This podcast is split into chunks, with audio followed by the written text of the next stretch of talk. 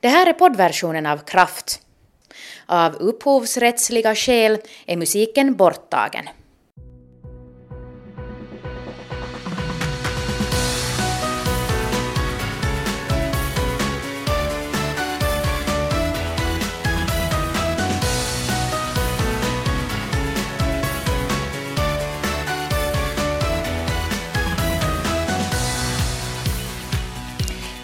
Välkommen med till veckans avsnitt av Kraft som ju är en programserie om hälsa och välmående och den här veckan ska vi prata om kroppens stödpelare nummer ett. Och vi som sitter här och pratar är Kira Schröder och Nanette-Marie Forström. Eh, fötterna utsätts ju dagligen för påfrestningar ända från det att vi stiger upp på morgonen till att vi går och lägger oss på kvällen och dessutom har de komplicerad benstomme så på det sättet är det ju inte så svårt att förstå att, att det kan uppstå besvär här och där och felställningar som påverkar kroppshållningen. Jo, och felställningar i fötterna kan ju sen påverka kroppen vidare, både upp till knäna och, och till och med ryggen och sen vice versa så kan ju ryggproblem också kanske sen kännas av i knäna och, och fötterna till och med så att, att allt hänger ihop. Och det som man ju också kan säga med benen är att, att det ibland kan vara en indikation på helt andra problem, till exempel hjärtproblem eller njur, njurproblem om man har uppsvällda ben. Så att det är nog en en viktig kroppsdel kan man kanske säga sådär mm. kort och gott. Man brukar säga att en sund själ i en sund kropp, men man kan kanske säga att en sund kropp har sunda fötter.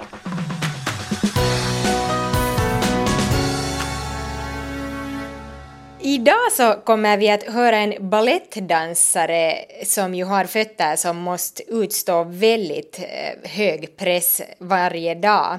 Och senare i det här programmet så ska vi också tala med löptränaren Tuomo Salonen om hur man springer på rätt sätt. Och så här så säger han om den ultimata längden på löpsteg. Ganska många vanliga motionärer tar alltför långa löpsteg och sen blir det långsamt att springa och ganska tungt att ta varje löpsteg. Så med kortare steg, bättre rytm, alltså högre frekvens blir det, blir det lättare. Vi hör mer om löpteknik lite senare här i Kraft, men vi ska börja den här sändningen med att säga hej och välkommen till dagens studiogäst, fotkirurgen Oliver Mikkelsson. Hej. Vilka är de vanligaste fotproblemen som du ser i ditt arbete? No, allra vanligast är kanske då skador och sen finns det hallux valgus och olika uh, snedstörningar är medfödda problem med fötterna. Vad beror de här problemen på? Då, om vi nu pratar då om hallux valgus eller uh, andra sådana här liktån eller motsvarande. Så det finns en sån här medfödd tendens, alltså en risk att få de här under åren. Men ganska mycket beror sen på skor och, och det att vi inte använder våra fötter på ett normalt sätt. Att, att i vissa länder, så till exempel man använder inte alls skor, så finns det inte hallux valgus mm. och inte liktån heller. Och om vi skulle gå barfota, men som kan vara lite svårt, och speciellt på vintertid, så det där skulle vi inte ha så många sådana problem. Mm. Hurdana skor är bra eller dåliga med tanke på att fötterna skulle må så bra som möjligt? No, man kan tänka det på många sätt. Och på ett sätt om man tittar på de här studierna så säger ju att alla skor är dåliga. Men att det där, förstås är det ju fråga att, att för unga kvinnor så rekommenderar jag inte högklackade skor och riktigt smala skor, speciellt så länge eh, foten växer. För att sen kommer man nog att ha problem i den, den skeden. Men eh, sådana skor är bra som känns bra. Mm.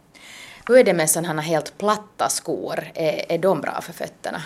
Inte har de något större problem alltså med platta fötter. Det, det finns ju så, man måste komma ihåg att, att det finns många olika slags fötter att det finns fötter som har hög fotvalv och låg fotvalv och, och foten har en ganska många uppgifter när vi går med den. Alltså den fungerar, det är den enda som fungerar som en stötdämpare när vi sätter eh, vikten på foten. Och därefter så när vi går vidare så är det ju en sån här eh, äh, eh, vävarm styv vävarm som vi sätter hela vår kropp med och sparkar oss iväg. Så det, egentligen ska den först vara en sån här mjuk, lite eh, elastisk stötdämpare, ska bli en riktigt eh, styv vävarm. Och eh, det måste vi komma ihåg att eh, den foten gör den flera tusen gånger per dag. Mm. Och när vi stiger upp på vår tå och fot, fot så eh, har vi många gånger vår vikt, vikt på ganska små ben på ett litet område. Och det är det som orsakar sen mycket, mycket problem. Och så att den här fotens biomekanik är mycket komplicerad. Och det finns olika fötter. Hur är det om man har haft någon form av medfödd felställning? Jag vet inte till exempel det här som kallas plattfot, om det mm. räknas till, till en sån, men, men kan man lära sig att, att få annan ställning och, och rättare fotställning, så att säga?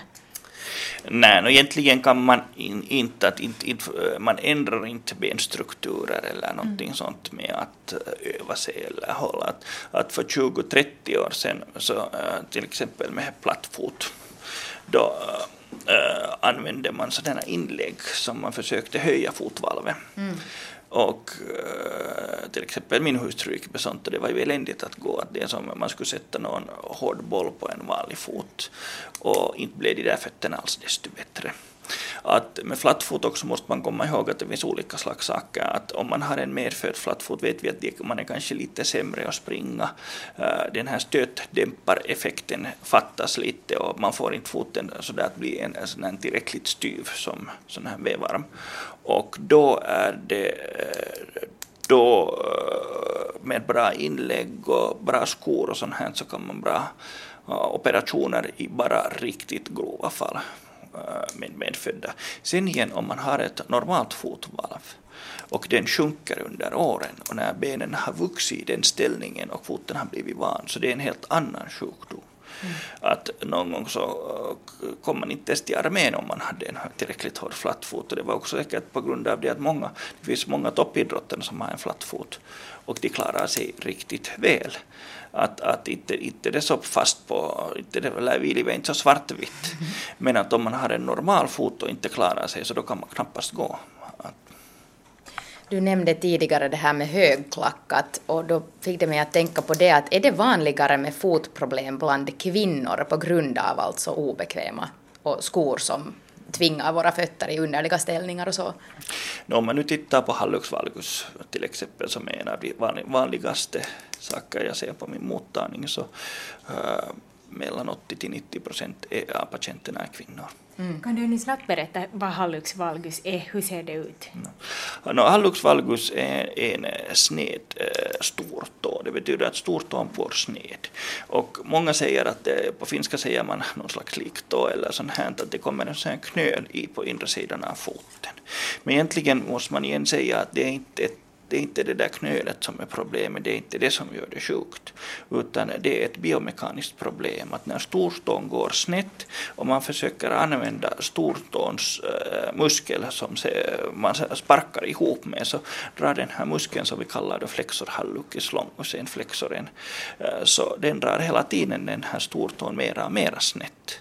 Så egentligen är det inte fråga om ett, eh, som jag sa, ett extra knöl, utan det är fråga om ett biomekaniskt problem. Och därför orsakar det värk och därför blir det också värre när man sen går. Hur vet man om man har hallux valgus? Men vi säger att åtminstone behöver man inte komma till läkaren om man inte har besvär. Säkert en bra att, princip. Ja, att det, det, är ett besvär att, att äh, det är inte fråga om estetisk kirurgi här eller någonting sånt att mm. om man har en liten knö så ska man undvika operationer. Det är alltid en ganska stor operation för att där måste vi kapa hela benet av. Och äh, har vi sen äh, vissa bandage och sånt här upp till sex veckor och svullnad kan vara till två till tre månader. Men att där måste vi sen igen komma att de människorna som har, eller patienterna som har då Eh, tillräckligt med ett besvär så blir det nog mycket bättre. Att om man inte kan leva vanligt liv så att, att uh, man ska inte komma på en operation om man vill ha högklackade skor. Men att om det är någonting sånt som uh, att den hallux valgusen undviker i normalt liv, man kan inte gå, man kan inte arbeta, den blir sjuk. Så då, då får man nog en bra nytta av en välgjord operation. Jag måste berätta här, apropå hallux valgus, um, det var så att jag skulle köpa skidpjäxor. Uh, och så berättade jag för den här försäljaren om uh, olika problem som jag har haft med mina gamla uh, pjäxor, hur, hur då min vad till exempel har krampat i dem och så, så bad han att jag skulle ta av mina skor och, och att han skulle få titta på mina fötter och sen tog han sig ungefär för pannan och sa att oj nej, jag kan inte sälja pjäxor åt dig före du har gjort någonting åt dina fötter, att, att du har sån här eh, hallux valgus som börjar bli, att det kommer att bli så illa att du hamnar på operation om inte du gör någonting nu. Och där slutade den här pjäxköpningsutfärden. hur, tycker, hur tycker du att det låter det här att en, en försäljare säger så här? Kan man se så där snabbt? No, inte in kan man säga riktigt sådär snabbt och, och vi säger att göra någonting för att kunna undvika en operation så det låter inte riktigt normalt i mina öron på det sättet. Inte, inte finns det något riktigt, alltså förstås är det fråga om att man ska ha bra skor och sånt här, mm. eller bra pjäxor, uh, bra skidmånader, vad, man nu har. Uh, och, och det där Mm, man kan ju på många sätt just ändra på de där skorna, vanliga skor eller skidskor då, och göra någon slags äh, hål eller sånt för dem för att kunna ha en liten hallux valgus. Att, att inte, inte, inte kan man riktigt säga nu är det en kirurg som beslutar med patienten slag. Så att ska man operera, om man nu tänker att uh, ungefär i västerländska samhället har 30 procent en hallux valgus, så nu är det ju inte opererar man 30 procent av mm. människor utan nu opererar vi bara de som har, är grova och de som har mycket problem. Mm. Um, du sa i, här tidigare också att det är till viss del också mekaniskt. Kan man göra några mekaniska rörelser och sånt för att hindra den här utvecklingen mot hallux valgus? Jo, det kan man göra och det, det finns vissa stöd också man kan sätta in i som håller då stortån lite rakare så att när man sparkar med dem så drar inte de där musklerna dem eh, snett. Och speciellt då när det är lindrigt ännu så kan man försöka undvika att det inte utvecklar sig och det finns vissa rörelser som man kan träna upp också. Om man riktigt som läkare tittar på hård forskning så uh, finns det nog inte riktigt hård forskning eller något, något hårt bevis att det har hjälpt men många patienter känner sig bättre och förstås är det alltid bra att kötta om sig. Mm. Också sina fötter. Det där, vi råkar båda alltså ha sådana knölar på fötterna. Uh, vi tänkte fråga dig om vi får visa dem så här lite åt dig uh, och, och, se vad du säger om, om Kira har en anstormande halsvalgus. Ja, när han, tog så, han blev så still i sig den här serien. Okej, okay. nu ska vi visa här. Kira tar av sig skon. Ja, jag vet inte, behöver jag också ta av strumpan eller? Ja, du ska ta båda, jag vill, jag vill se båda, båda fötterna, ja. så du ska ta båda upp och sen tar du lite byxorna uppåt så att jag ser lite, ja. lite den här. Okay. Jag har ju alltså, tror jag, också så här plattfot. Ja. Äh, eller åtminstone så liksom så Du skulle kunna först gå dit mot dörren. Ja. Och sen håll näsan mot dörren. Ja. Och sen håller du, sätter du händerna mot dörren. Lyft upp högra foten i luften och sen stiger du på tån. Okej, okay, och sen byter du fotfötter och samma sak. Okej, okay, och kom tillbaka. Så nu om vi tittar bakifrån på din fot, så du har en flat fot. Men när du stiger upp på din tå så korrigeras den här och du får ett högt fotvarv. Så det är yeah. vad vi kallar för gradus 2. Okay. Flat fot, så en lindrig men att den korrigerar sig när du använder så dina muskler fungerar helt bra. Ja. Och, och du, den, den fungerar väl. Men att en lindrig flat fot har du. Sitt yeah. ner. Jag brukar alltid känna först pulsen. I, ja, pulsen via foten. Det är ju ja. spännande, det har jag tror jag aldrig blivit undersökt på det okay. sättet. Och sen tar jag i din stortå och först ja. vill jag prova på den att får jag den reparerad tillbaka, det får jag väl. Okay. Och sen rör jag på den och ser att om den känns att den rör sig väl och här känns ingenting så att gnistan ingenting som skulle vara i vägen så jag tror Nej. inte att du har en artros, alltså slitage, ja. utan det är närmast då en felställning som kommer. Ja, alltså du var då intresserad av att eh, utreda närmare, så vi ska då ta en röntgenbild av dina fötter. Okej, så vi ska nu gå och röntga Kira alltså? Ja.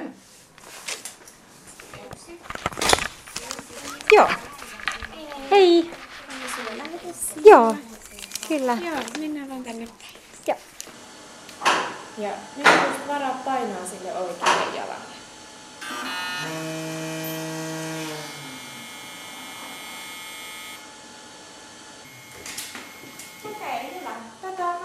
Nämä kuvat, niin olkaa nyt tuossa puhuinen Joo. puolella Kiitos. varovasti tuollaiset. Joo.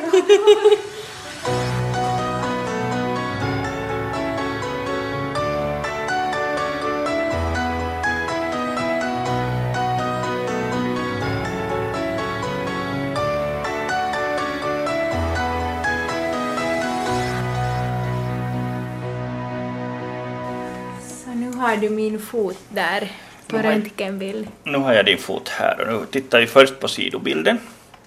Och här ser man att ditt fotvalv är ganska bra ändå håller, håller upp sig. Och det där, sen tittar vi från andra snittet så här ser vi din lindriga hallux valgus. Och här tittar vi nu, först tittar vi på den här hallux valgus. Så det här borde vara under eh, 10, 15, max 15. Är det alltså vinkeln Det är mellan... vinkeln mellan stortån och första äh, metatarsala benen. Äh, första metatarsala borde vara sådär äh, under 15 gradigt och det har du då 23 grader skulle jag ungefär säga här. Och sen tittar man också vinkeln mellan första och andra metatarsala benen, så det, de här båda har en betydelse, att man kan ha både ena eller bara andra förstorad och den borde vara under 8 och den har du då Oj. 13. Nu när du har tittat på Kiras röntgade fot, så vad är din rekommendation? Att nu är det nästan alltid att försök nu undvika en kirurgi så länge du kan. Men att eh, sen när det blir besvär i vanliga dag, dagliga livet och vanligt gående så då ska du komma på en operation. Jättestort tack för det Ja.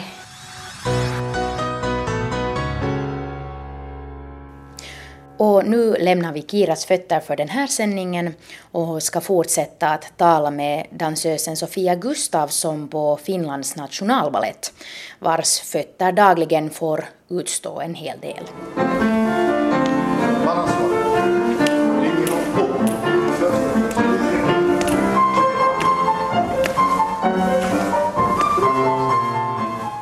Det är tio på morgonen och i övningssalen i Operahuset i Helsingfors har kanske ett 50-tal balettdansare kommit igång med morgontimmen.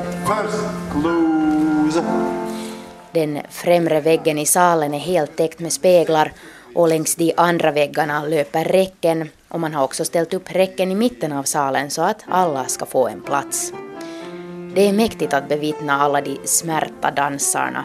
I sina muskulösa men samtidigt graciösa kroppar kan de vrida och vända sig i de mest krävande positioner, hoppa och snurra runt.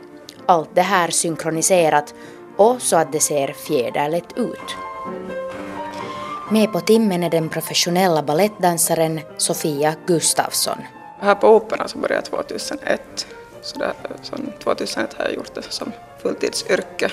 Och i Operans balettskola började jag 91. Före det hade jag gått några år i, i balettskola men det var det mer ändå som hobby och en gång i veckan. Och sånt. Men jag var kanske 28 när jag började så att det inte mer var sagobalett utan det var, vi gjorde de här riktiga positionerna och rörelserna.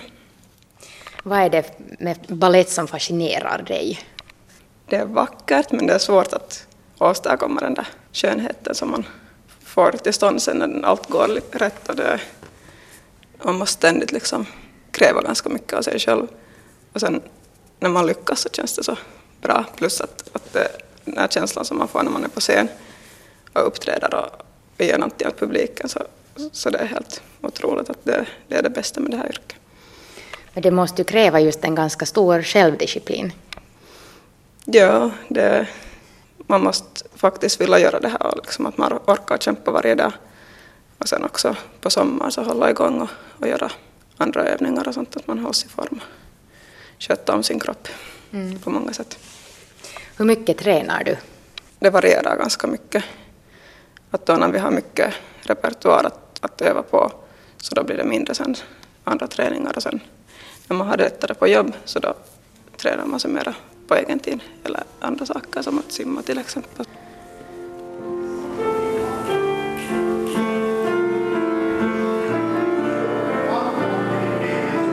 Nationalbalettens dansare har långa dagar och ofta föreställningar på kvällarna och på lördagarna. Med bara en vilodag i veckan blir det lite tid att ta igen sig. Därför är det extra viktigt att kroppen och fötterna är i gott skick. Det är jätteviktigt och man måste sköta om sina fötter så att de är tillräckligt starka. Och sen så vet man själv liksom att, att om man har tendens att få lätt blåsor eller skavsår av våra tåskor och sånt så, så måste man skydda fötterna för att det tar sen ganska ont om man har en, en stor blåsa på stortån och hamnar under dansa. Och att ha bra skor är jätteviktigt. Mm. Att, att, man väljer sådana skor som sen stöder foten och hjälper foten liksom att, att må bra då när man inte dansar så är det till stor hjälp. Tar fötterna mycket stryk av det här dansande? Ja, men de vänjer sig nog så det, det känns inte liksom sådär på en daglig basis att, att de får mycket stryk. Men sen om man har exceptionellt långa dagar, att man står med, med spetsskor på hela dagen så, så känns det nog. Och sen kan det ta några dagar för tårna, tårna och fötterna att återhämta sig men vi fortsätter att jobba nästa dag. Så. Sådana perioder är lite extra tunga. Hur länge tog det att vänja sig vid de här tåskorna? Det ser ju så galet ansträngande ut när ni står på tårna på det där sättet. Det är med tiden och man börjar inte liksom genast när man börjar balettskolan så börjar man inte med dem utan man måste först få styrka i tårna och, och vristerna och benen för att kunna stå på dem. Annars så kan det nog göra mera skada än, än nytta. Och sen, sen när man har haft dem en, en tid så, så hårdnar huden på tårna som inte kanske ser så vackert ut men hjälper oss mycket sen med jobbet. Att när jag var mammaledig så, så försvann mina hårdnader och det tog ganska ont i tårna sen när jag kom tillbaka efter det. Så, så det är någonting som, som man vill hålla fast i fast det inte ser så vackert ut. Mm. Det där, no, har du någon gång skadat dina fötter i balletten? Tur nog så har jag inte haft några allvarliga, allvarliga skador men det där om man har just, det är många som har problem med att det blir inflammation mellan tårna eftersom de är då flera timmar in, inträngda i tossarna och sånt så, så det kan vara ganska ganska jobbigt för att det är sen sånt som lätt kommer på nytt och på nytt när det en gång har börjat. Mm. Men tur nog så har jag klarat mig liksom mest med blåsor och ömma, ömma tånaglar hittills. Mm. Det där vi kommer att prata om hallus valgus i det här programmet. Eh, är det någonting som man ser också bland balettdansörer? Det ser man nog. Och om man har tendens att, att få det så tror jag nog inte att det hjälper att man går med de här kanske inte de bekvämaste stossarna mm. dagen i ända. Men, det där. men vissa har det och vissa har inte. Att, att det, det är inte något hinder för att dansa. Just det. Men måste man då gå på operation eller hur får man det att stävjas i så fall? Ja, det beror ju på hur allvarligt det blir men, men jag tror inte jag vet någon dansare som ska haft det så allvarligt att de ska måste opereras under sin karriär i alla fall. Att mm. Det kanske jag sen kunde vänta tills de har varit i pensionsålder. Finns det några andra sådana vanliga fotproblem bland balettdansare? Mm, med blåsor och, och just inflammation mellan tårna och ömma eller skadade tånaglar som i värsta fall då faller av. Så, så det är väl det, det vanligaste och det värsta. Och där lämnar vi Finlands nationalballett och vi har fortfarande med oss fort, fotkirurgen Oliver Mikkelsson. Um, har du haft mycket dansare som kunder? Ja, det har jag nog verkligen. Det är många dansare som har besvär och, och speciellt nu ballettdansare. Mm. För att uh, de, de, de står ju ganska mycket på sina tår och sånt här. Och, och det är nog kanske inte ett vanligt sätt att gå att våra förfäder apor gjorde ju inte heller det. Och det, det blir nog mycket besvär. Mm. Ehm, finns det andra yrkesgrupper än dansare som är sådana som du, eller vissa, kanske inte bara yrkesgrupper, men grupper av människor som syns speciellt mycket på, för en fotkirurg? Mm. Nu kanske eh, vissa sådana här yrken som man har eh, måste använda vissa slags skor och sånt här. Så till exempel flygvärdinnor är en ganska stor grupp som sen har och som går mycket med sina fötter. Uh, sjuksköterskor också för att de måste använda, de använder, ganska fysiskt arbete de gör. Och det där sen blir det ju en hård ansträngning för fötterna. Mm. Och då är det, och bland män så alla sådana som håller på med fysiskt arbete, så jo, då kräver man, med, man behöver bättre fötter där än att bara sitta i stolen och knappa på datorn. Finns det någon viss ålder som fotproblem oftast uppkommer i? Ja, no, kanske en del sådana som kommer riktigt medfödda när man, när man är ung och sen är det medelåldern att mellan 30 till 70. Mm.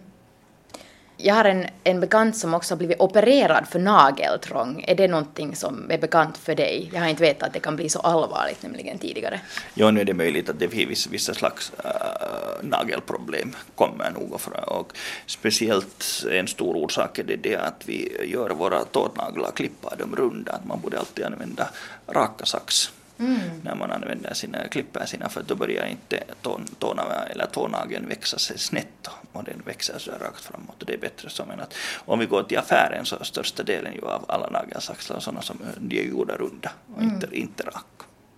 Vi skulle kanske igen kunna fortsätta här eh, och nu ska vi tala om löpteknik tillsammans med löptränaren Tuomo Salonen från Runners High och han är silvermedaljör i de finska mästerskapen på sträckorna 800 meter och 1500 meter från år 2013 så att han, är, han vet nog äh, vad han talar om när det gäller äh, löpteknik. Och jag börjar med att fråga honom om det finns ett visst rätt sorts löpsteg? Sådant finns, finns ju inte. Under senaste par år har det varit mycket debatt om det här om man borde sätta ner i marken först hälen eller, eller framfoten men enda man kan säga med säkerhet är ju att var och en har ett sätt man är van vid och man kan inte bara läsa på nätet att okej, okay, hej, jag, jag borde nu sätta ner först framfoten. Så det det kan vara lite, lite svårt att börja, börja så alltså. Det är inte naturligt, om det är inte naturligt för en kan man inte bara börja att okej, okay, nu ska jag förändra, nu ska jag börja springa så här. Proffslöpare, har de någon favorit när det gäller hur man sätter ner foten? No, det är ju lite farligt att, att säga här men det, det går ju så att proffslöpare brukar ha så att framfoten kommer ner till marken först men det är ju det är ju fråga om att proffslöpare springer lite fortare, har lite mer styrka i vaderna, så det, det är mycket lättare för proffslöpare att springa med, med framfot löpning eller framfotstil, så det, det är mycket annorlunda för vanlig motionär som, som borde lyssna på lite mer som det som man är van vid och det som kommer naturligt och kan, kan inte bara börja att nu, nu ska jag börja springa med framfoten för då blir det jättetungt och vaderna blir så sjuka det går inte att springa. Går det att säga hurudant ett bra löpsteg är? No, I allmänhet är ju bra löpsteg avspänt, rytmiskt och sånt som känns bara lätt, allt i allt alltså. Det är bara, bara lätt att springa med avspänt löpsteg. Det är viktigt att kroppsställning är bra och stabil, annars blir det tungt för benen att typ bära hela kroppsvikten. Mm en sak som, som är ganska viktig är hur lång löpsteg man tar. Ganska många vanliga motionärer tar alltför långa löpsteg och sen blir det långsamt att springa och ganska tungt att ta varje löpsteg. Så med kortare steg, bättre rytm, alltså högre frekvens blir det, blir det lättare att hålla upp farten och, och att hålla upp kroppsställningen, alltså ha bålstyrka och bra stabilitet i, i bål vad kan det hända om man så att säga springer på fel sätt? Om man springer på fel sätt, eh, alltså med dålig teknik eller försöker springa med sådan teknik eller stil man inte är van vid så oftast händer det så att skaderisken ökar och man blir skadad lätt och, och det är ju, då går det ju inte att springa alls. Så skaderisken är det den som är den största problemen om man springer på, på fel teknik. Hurudana skador är vanliga hos löpare? Äh, de vanligaste skulle vara hälsenor, valpsjuka, fotsula, problem med knän. Det är ju de vanligaste. Några stressfrakturer i ben är också, också ganska vanliga. Det talas ju åtminstone i reklamsammanhang och i sportbutiker väldigt mycket om löpskor de har. De görs för olika fotställningar och, och sorters fötter. Hur mycket påverkar skorna löpande? Ganska mycket faktiskt för det, det varierar så mycket mellan äh, barfotaskor och, och några stabila par löpskor så, så det är jättestora skillnader mellan mellan dessa två. och Det finns många, många möjligheter däremellan man kan också använda så man borde ju inte, inte byta skor om man har haft stabila löpskor med Pronatuns stöd så man borde inte, inte byta till okej okay, nu, nu ska jag börja springa allt, allt jag springer med barfotaskor alltså man borde ju göra små förändringar och bli van med de, de skor man använder. Du nämnde de här barfota löpskorna. Uh, vad, vad kan du säga om dem? Är det någonting för vanliga motionärer? Ja, för vanliga motionärer skulle jag säga att man kan ju testa lite på barfotaskor men det borde vara alltså ganska lite, pyttelite faktiskt, alltså efter någon vanlig länk kanske ha en kilometer med barfotaskor, alltså bara aktivera foten lite små muskler i foten aktiveras bättre om man, om man springer barfota eller med barfota skor men jag skulle inte säga att någon borde springa långa länkar med barfota skor. Det är ju det är bättre att ha lite, lite mer stabila skor när man springer längre och, och på, asfalt eller något sådant. Sen tänkte jag att du skulle få för vår webb få visa några sådana här teknikövningar som också vanliga motionärer kan ha nytta av för att bli en, en bättre löpare. Kan du berätta, vad, vad tänkte du visa? Ja, jag har tänkt visa fyra, fyra olika teknikövningar. Först tripping som äh, hjälper med brist och fotarbete.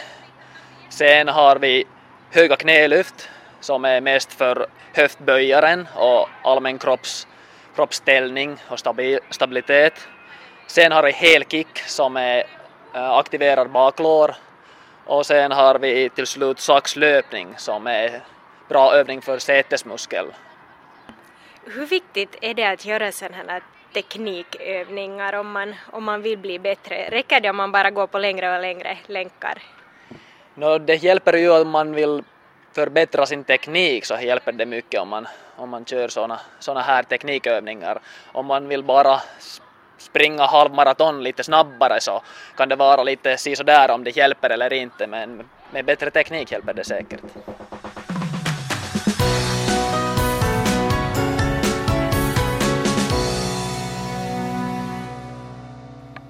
Och vi hörde Tuomo Salonen och då är det dags att igen vända mig till eh, vår studiogäst, fotkirurgen Oliver Mikkelsson. Um, ehm, hur är det, det här med löpning? Ser du mycket problem på grund av löpning i ditt jobb? Eh, jag ser nog mycket, mycket problem, ja. Eh, speciellt Eh, men vi ser sådana människor, förstås alla toppidrottare, för att de, går, de tränar ju sig på den limiten som människokroppen kan just och just tolerera. Och man går ju alltid där på gränsen, så det, där, där kommer det alltid, alltid vissa ansträngningsskador och sånt. Och en annan stor grupp är kanske sådana här medelåldriga åldriga människor som jag som sen börjar efter en liten paus och träna igen och springa och sen har vi ju en ganska aktiv, aktiv grupp med människor som har verkligen börjat springa halvmaraton eller maraton och triathlon och sånt. Så man, det, det, är ju en ganska stor boom tycker jag i det, det här fallet. Att, och det är alla ålders människor, det är inte bara unga utan det är också äldre personer som kommer. Så det kommer nog en del. Märks det alltså av den här maratonboomen också på fotkirurgens mottagning så att säga? Jo, absolut. Att varje vecka har, har man patienter som får, får besvär. Och det, där, och det finns, men besvären kan vara äh, mycket olika och det kommer ganska mycket ansträngningsfrakturer, stressfrakturer som vi kallar dem, och, äh, och flera andra sådana här besvär, tendiniter, olika inflammationer eller ansträngning, olika ansträngningsskador. Alltså det, eh, de här stressfrakturerna, det är alltså så att det börjar, att man springer så mycket så att benet börjar lite och, och gå sönder, eller förstår jag det rätt? Nej, du förstår det ja, helt rätt. Att det kommer sådana här upprepande mikrotraumor, små alltså traumor i foten. Och vi har ju i alla våra ben så har vi ju blodceller som hela tiden gör ben. Och sen har vi eh, blodceller som äter upp vårt ben. Så vi har ju inte samma ben utan den förnyar sig sådär sakta och säkert hela tiden under hela vår levnadstid. Och när det kommer så här små mikrotraumor så betyder det att det blir eh, vätska in i benet. Eh, om eh, någon slår mig i näsan så sväller upp min näsa men att benet är ju hårt.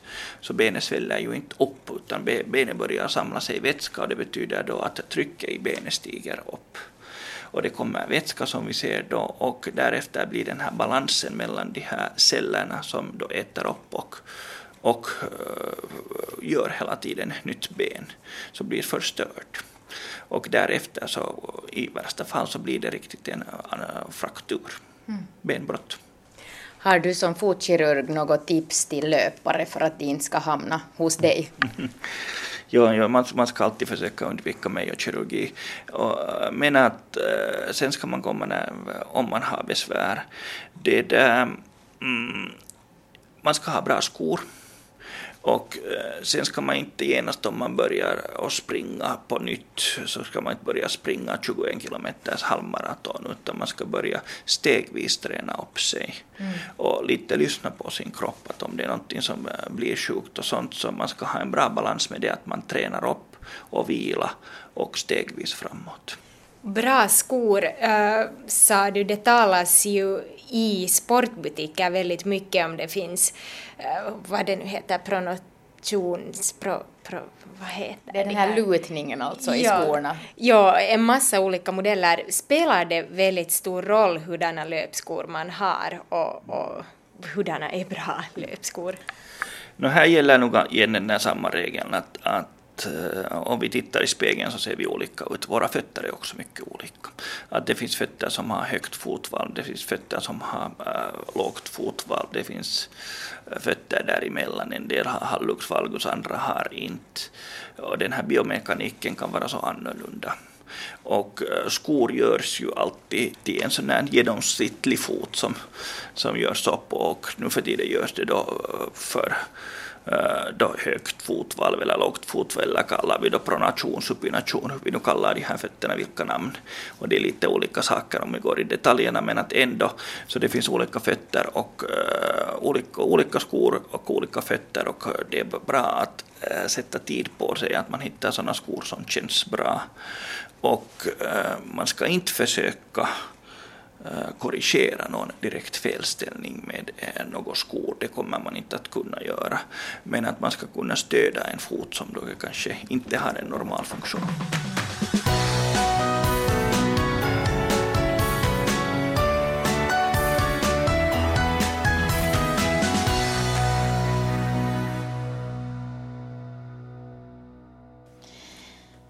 I Kraft så har vi ju som vana att ta upp sådana applikationer för smarttelefoner eh, som har någon form av hälsotema.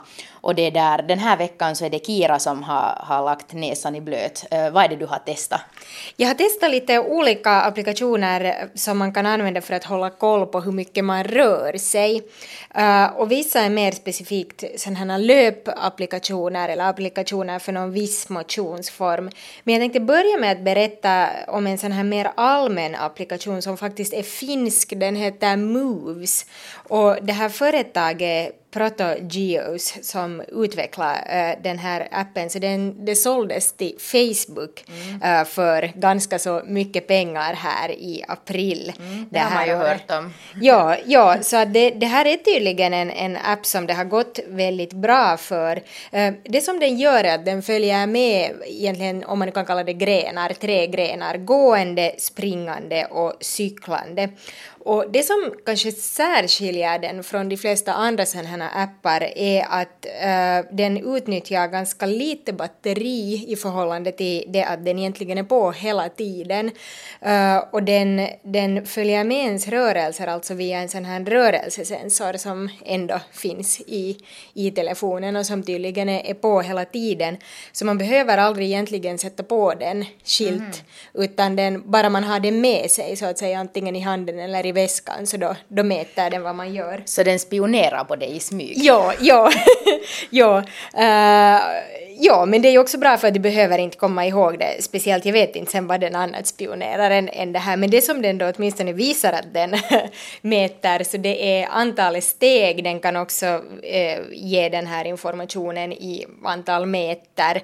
Uh, och sen tid hur länge du har gjort, ehm, ut, utfört då. Antingen om du har gått eller sprungit eller cyklat eh, och, och sen jämför den dag för dag hur, hur länge eller hur mycket du har gjort olika saker. Och sen kommer det sådana små uppdateringar att all time record, liksom, du har aldrig gått så här långt det som man kan säga, jag tycker den är jättesnygg och det är ju lite roligt nog att, att veta kanske hur många steg, det har jag aldrig tänkt på, hur, hur många steg man tar sådär vanligtvis och så. Uh, men när jag nu har använt den här i några veckor så tycker jag inte att den har revolutionerat min vardag desto mer. Ofta tycker jag när den är sådär oh, all time high record, så är sådär, jag vet att jag har rört på mig mycket mer tidigare men det råkar kanske inte ha varit med. Mm. Uh, sen tänkte jag då berätta om en sån här applikation som är mera uh, faktiskt så här noggrann. Uh, den heter My Coach och det är då en sån här löptränare. och poängen med det är då att man ska kunna följa med sin löpning ganska noggrant på olika sätt och den kan bland annat göra olika sådana löpprogram för en. Mm. Och här är det igen, som fallet med många av de här applikationerna, att du måste logga in och skapa ett eget konto och det tar ganska lång tid och mm. den ska veta hur lång du är och hur mycket du väger och så vidare för att sen kunna göra göra liksom personliga program. Eh, det som jag har gjort med den är att jag har tagit ett sånt här testprogram där den ska försöka ta reda på dina personliga nivåer när du anstränger dig lite och lite, lite mera. Det, och så ska du då göra ett sånt här 12 minuters program där du successivt anstränger dig mer och mer och sen på basen av hur, hur hårt du då har sprungit så ta, ha, ger den då egna värden för dig som är personliga för de här nivåerna och sen kan mm. du göra olika program att vill du till exempel vara på gult som är en sån där där du nästan anstränger dig till fullt, vill du ha väldigt mycket sånt eller vill du vara mera på på grönt eller blått. Och det som den gör är att när du är på rätt nivå så säger den bra, nu har du uppnått rätt nivå. Men om du inte är där, om du springer för hårt eller för långsamt så säger den också. Och, och man, man blir ju sen sådär att man vill faktiskt försöka mm. uppnå den för det känns inte så bra om den är sådär att men spring hårdare, spring hårdare. Och min kanske största invändning är att, att de här uh, rösterna, jag har testat både på franska och engelska och de är väldigt alltså så här maskinaktiga mm. och inte alls inspirerande. Vi kan höra lite här ett exempel. Time 30 minutes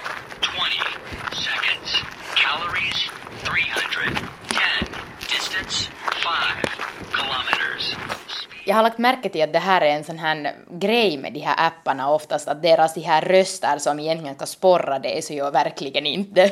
jo, det var en som just var så här ge allt vad du har. Och då är det sådär att du verkligen har försökt ge allt vad du har och sen så känns det som att man inte får så hemskt mycket stöd där när man verkligen är, är helt på utmattningens, uh, vad heter Brant. det, brant. ja.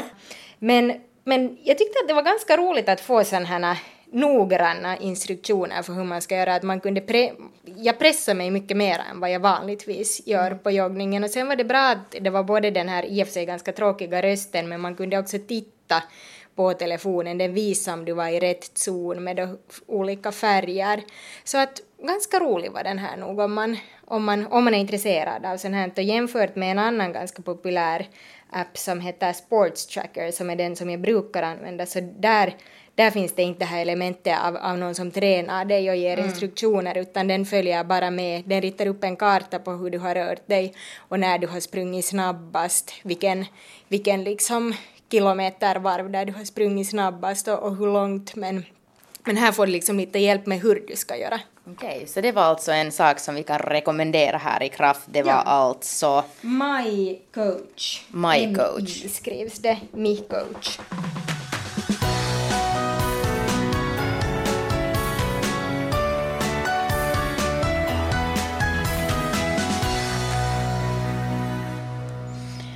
Det har blivit dags att igen blicka tillbaka i medicinhistorien här i Kraft och den här veckan handlar det om AIDS.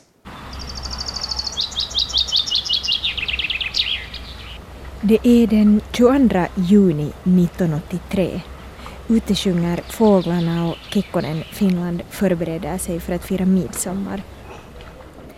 I personalmatsalen på Aurora sjukhuset piper det i biträdande chefsläkare Juhani Lähdevirtas personsökare. Det visar sig att personen som vill få tag på honom har en högst ovanlig förfrågan. Joo, ja sieltä sitten tuota, ihotautilääkäri Sirkka-Liisa Valle soitti. Ja mä muistan sen aika hyvin, että hän, hän tuota, sanoi, hei, täällä Kikkavalle, Minulla on täällä vastaanotollani Suomen ensimmäinen AIDS-potilas. Muut Helsingin sairaalat ovat kieltäytyneet ottamasta häntä. Voinko lähettää hänet Auroraan? Jag träffar Juhani Lähdevirta som nu för tiden är pensionerad på sin gamla arbetsplats Aurora sjukhus. Även om det har gått över 30 år sedan så minns han som om det var igår hur hudläkare Sirkka-Lisa Valle berättade att hon hade diagnostiserat Finlands första AIDS-patient och undrade om hon kunde skicka honom till Aurora sjukhus. De andra sjukhusen ja, hade nämligen sagt nej. Hyvä kuntoinen. Kylläkin hän raitiovaunulla tuli sitten tuohon lähellä olevalle pysäkille ja, ja, ja, tuota, ja tuli sitten tuonne osastolle neljä ja Den första diagnostiserade AIDS-patienten i Finland var i gott skick. Han tog spårvagnen och gick för egen maskin genom portarna till Aurora sjukhus. Några veckor senare kom nästa patient. I Finland hade man följt med både forskning och medierapporter från USA där de första aidsfallen upptäcktes i slutet av 1970-talet. Men ingenstans fanns det speciellt mycket förhandskunskap om vad man nu stod inför. The disease called AIDS, acquired immune deficiency syndrome, sounds less than deadly, more like a diet pill. AIDS has struck only a reported 1,500 people, but it has killed almost 600 of them, and as yet no one with AIDS has been cured. De första rapporterade fallen av aids var homosexuella män som insjuknade i märkliga sjukdomar som de inte borde ha drabbats av i den åldern. Federal health officials consider it an epidemic, yet you rarely hear a thing about it. At first it seemed to strike only one segment of the population. Now this is no longer the case. Det skulle visa sig att det led av det som man kom att kalla förvärvat immunbristsyndrom eller med ett kändare namn AIDS från den engelska förkortningen. 1983 till 84 upptäckte forskare att aids orsakades av ett så kallat retrovirus som numera är döpt till humant immunbristvirus, HIV. År 1984 var man ännu osäker på hur sjukdomen smittade och de ovanliga symptomen satte skräck i både läkare och allmänhet. Vilket det här klippet från filmen Torka aldrig tårar utan handskar illustrerar. Om du ska hålla på och torka tårar måste du använda skyddshandskar. Jag vet, men han var ju ledsen. Du vet vad som gäller. Varje gång man ska gå in till en patient om man så bara ska rätta till ett draglakan eller fråga om man är törstig så gäller proceduren. Handtvätt, sätta på handskar, munskydd och den gröna rocken. Inga undantag, är det uppfattat? Men... Ja, nu vet du i alla fall det. Medan han vandrade upp för backen mot avdelning 4 på Aurora sjukhus, där man hade bestämt att inhysa den första aids-patienten, funderade Juhani Lähdevirta på vad han riktigt hade gett sig in på. Mä muistan sen, kun mä tuosta kävelin sitten eh, tuon pienen mäen, tuonne nel, nelonenhan on tuossa takana sitten tuo mm. yksikerroksinen rakennus. Kävelin siitä ylös, niin mä mietin, että kuules Jussi, mitä hän tuli tehtyä nyt, että mitenköhän, mitenköhän tuolla osastolla käy, että, että tuota, lähteekö, se, lähteekö sieltä henkilökunta karkua. Mutta ei mitään semmoista tapahtunut.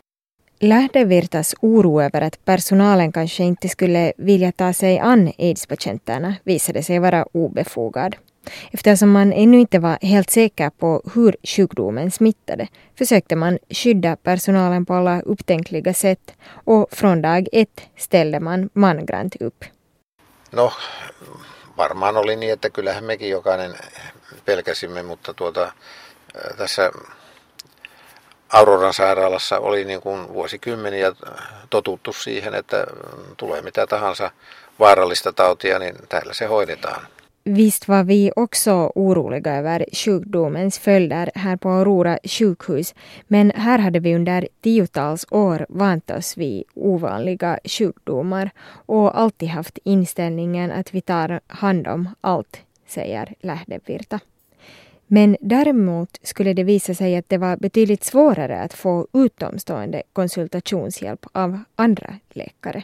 Kyllä me sitten vähitellen olisimme tarvinneet sitten muiden erikoisalojen konsultaatioapua, mutta, mutta tuota, se tuolla Auroran ulko, ulkopuolella, eh, sitä ei aina annettu. Ja ilmeisesti syynä oli se, että, että pelättiin. Lääkärit pelkäsivät ja, ja myöskin hoitohenkilökunta pelkäsi. Juhani Lähdevirta tror att många sjukhus sa nej på grund av rädslan för smitta.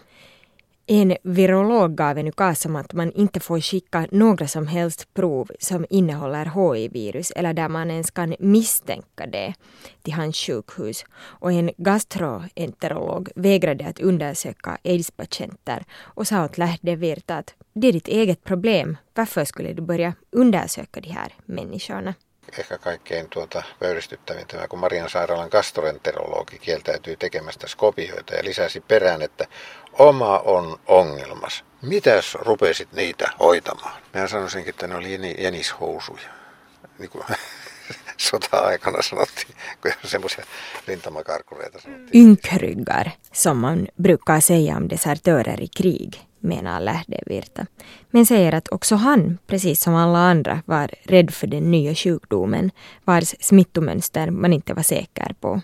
Kyllä, kyllä, mutta kun mä olin elänyt toisen maailmansodan aikana, niin sitä oli jotenkin niin kuin asennoitunut siihen, että sota-aikana annettu tehtävä hoidetaan, vaikka henki menisi.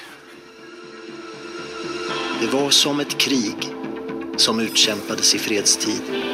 Också i filmen Torka aldrig tårar är aids en fiende som beskrivs i krigstermer. I en stad där de flesta fortsatte att leva sina liv som om inget hänt insjuknade unga män. Magrade av och dog. Nuoria i början var patienterna mellan 18 och 40 år, den tid då den sexuella aktiviteten ofta var stor och således också risken att smittas. Kun jotenkin siinä iässä olevan ihmisen kuolema, niin se tuntuu niin kuin, se ei ole oikein oikeudenmukaista. Mm. Joo, ja sitten kun ei, ei mahda mitään sitten siinä alussa, niin För vårdpersonalen var det tungt att i början stå närmast maktlösa inför så unga människors död. Speciellt väl minns Lähdevirta när den man som tagits in som andra patient på Aurora i juli 1983 dog bara ett år senare. Kun hän sitten tuota kuoli seuraavana kesänä, niin, tuota, niin se oli kyllä, se oli kyllä se oli ensi, ensimmäinen potilas, joka täällä meillä kuoli tähän tautiin, niin, tuota, niin, niin kyllä se, se, se tunsi niin semmoisen, semmoisen avuttomuuden siihen, että kun ei mahda mitään tälle taudille, niin se, se, tuota, se, se suorastaan niin kuin raivostutti ihan, että, että kun ei ole keinoja. Som läkare kände Lähdevirta stor vrede över att inte kunna göra något. Men lyckligtvis har forskningen gått framåt och idag finns effektiva bromsmediciner med vars hjälp aids har gått från att vara en dödsdom till en kronisk sjukdom. Så länge man testar sig i tid och viruset upptäcks i tid, vilket inte alltid är fallet i Finland. Påpekar Lähdevirta. Niitä on oikeastaan vaan niissä tapauksissa, että, että potilaat tulee niin kuin liian myöhään. Että eivät ole ollenkaan osanneet epäillä, että heillä on HIV-tartunta. Tai sitten ovat ehkä pelänneet, että kyllä semmoinen on mahdollista, mutta eivät ole halunneet mennä testiin, jolla voi sen todeta. Tähän. Where are the drugs?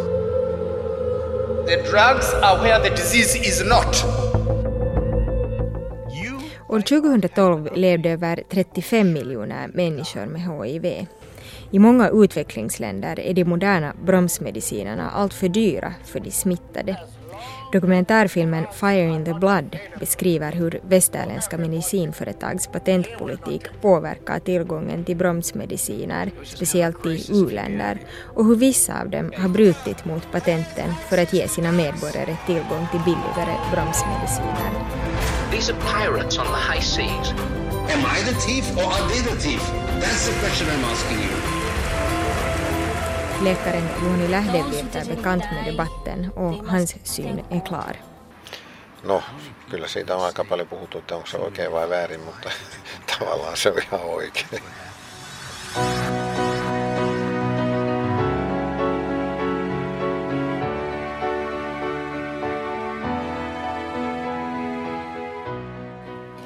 Här slutar Kraft för den här veckan. E-posta oss gärna på mejlet outhousemedia.fi om ni har respons eller synpunkter på programmet. Och nästa vecka är vi tillbaka och då är tema vila och återhämtning. Och om ni har missat något av våra eminenta program så är det bara att gå in på Yle Arenan. Där finns alla våra program att lyssna på via webben eller sen att ladda ner som musikfri podcast. Och den här serien är producerad av Outhouse Media i samarbete med svenska Yle.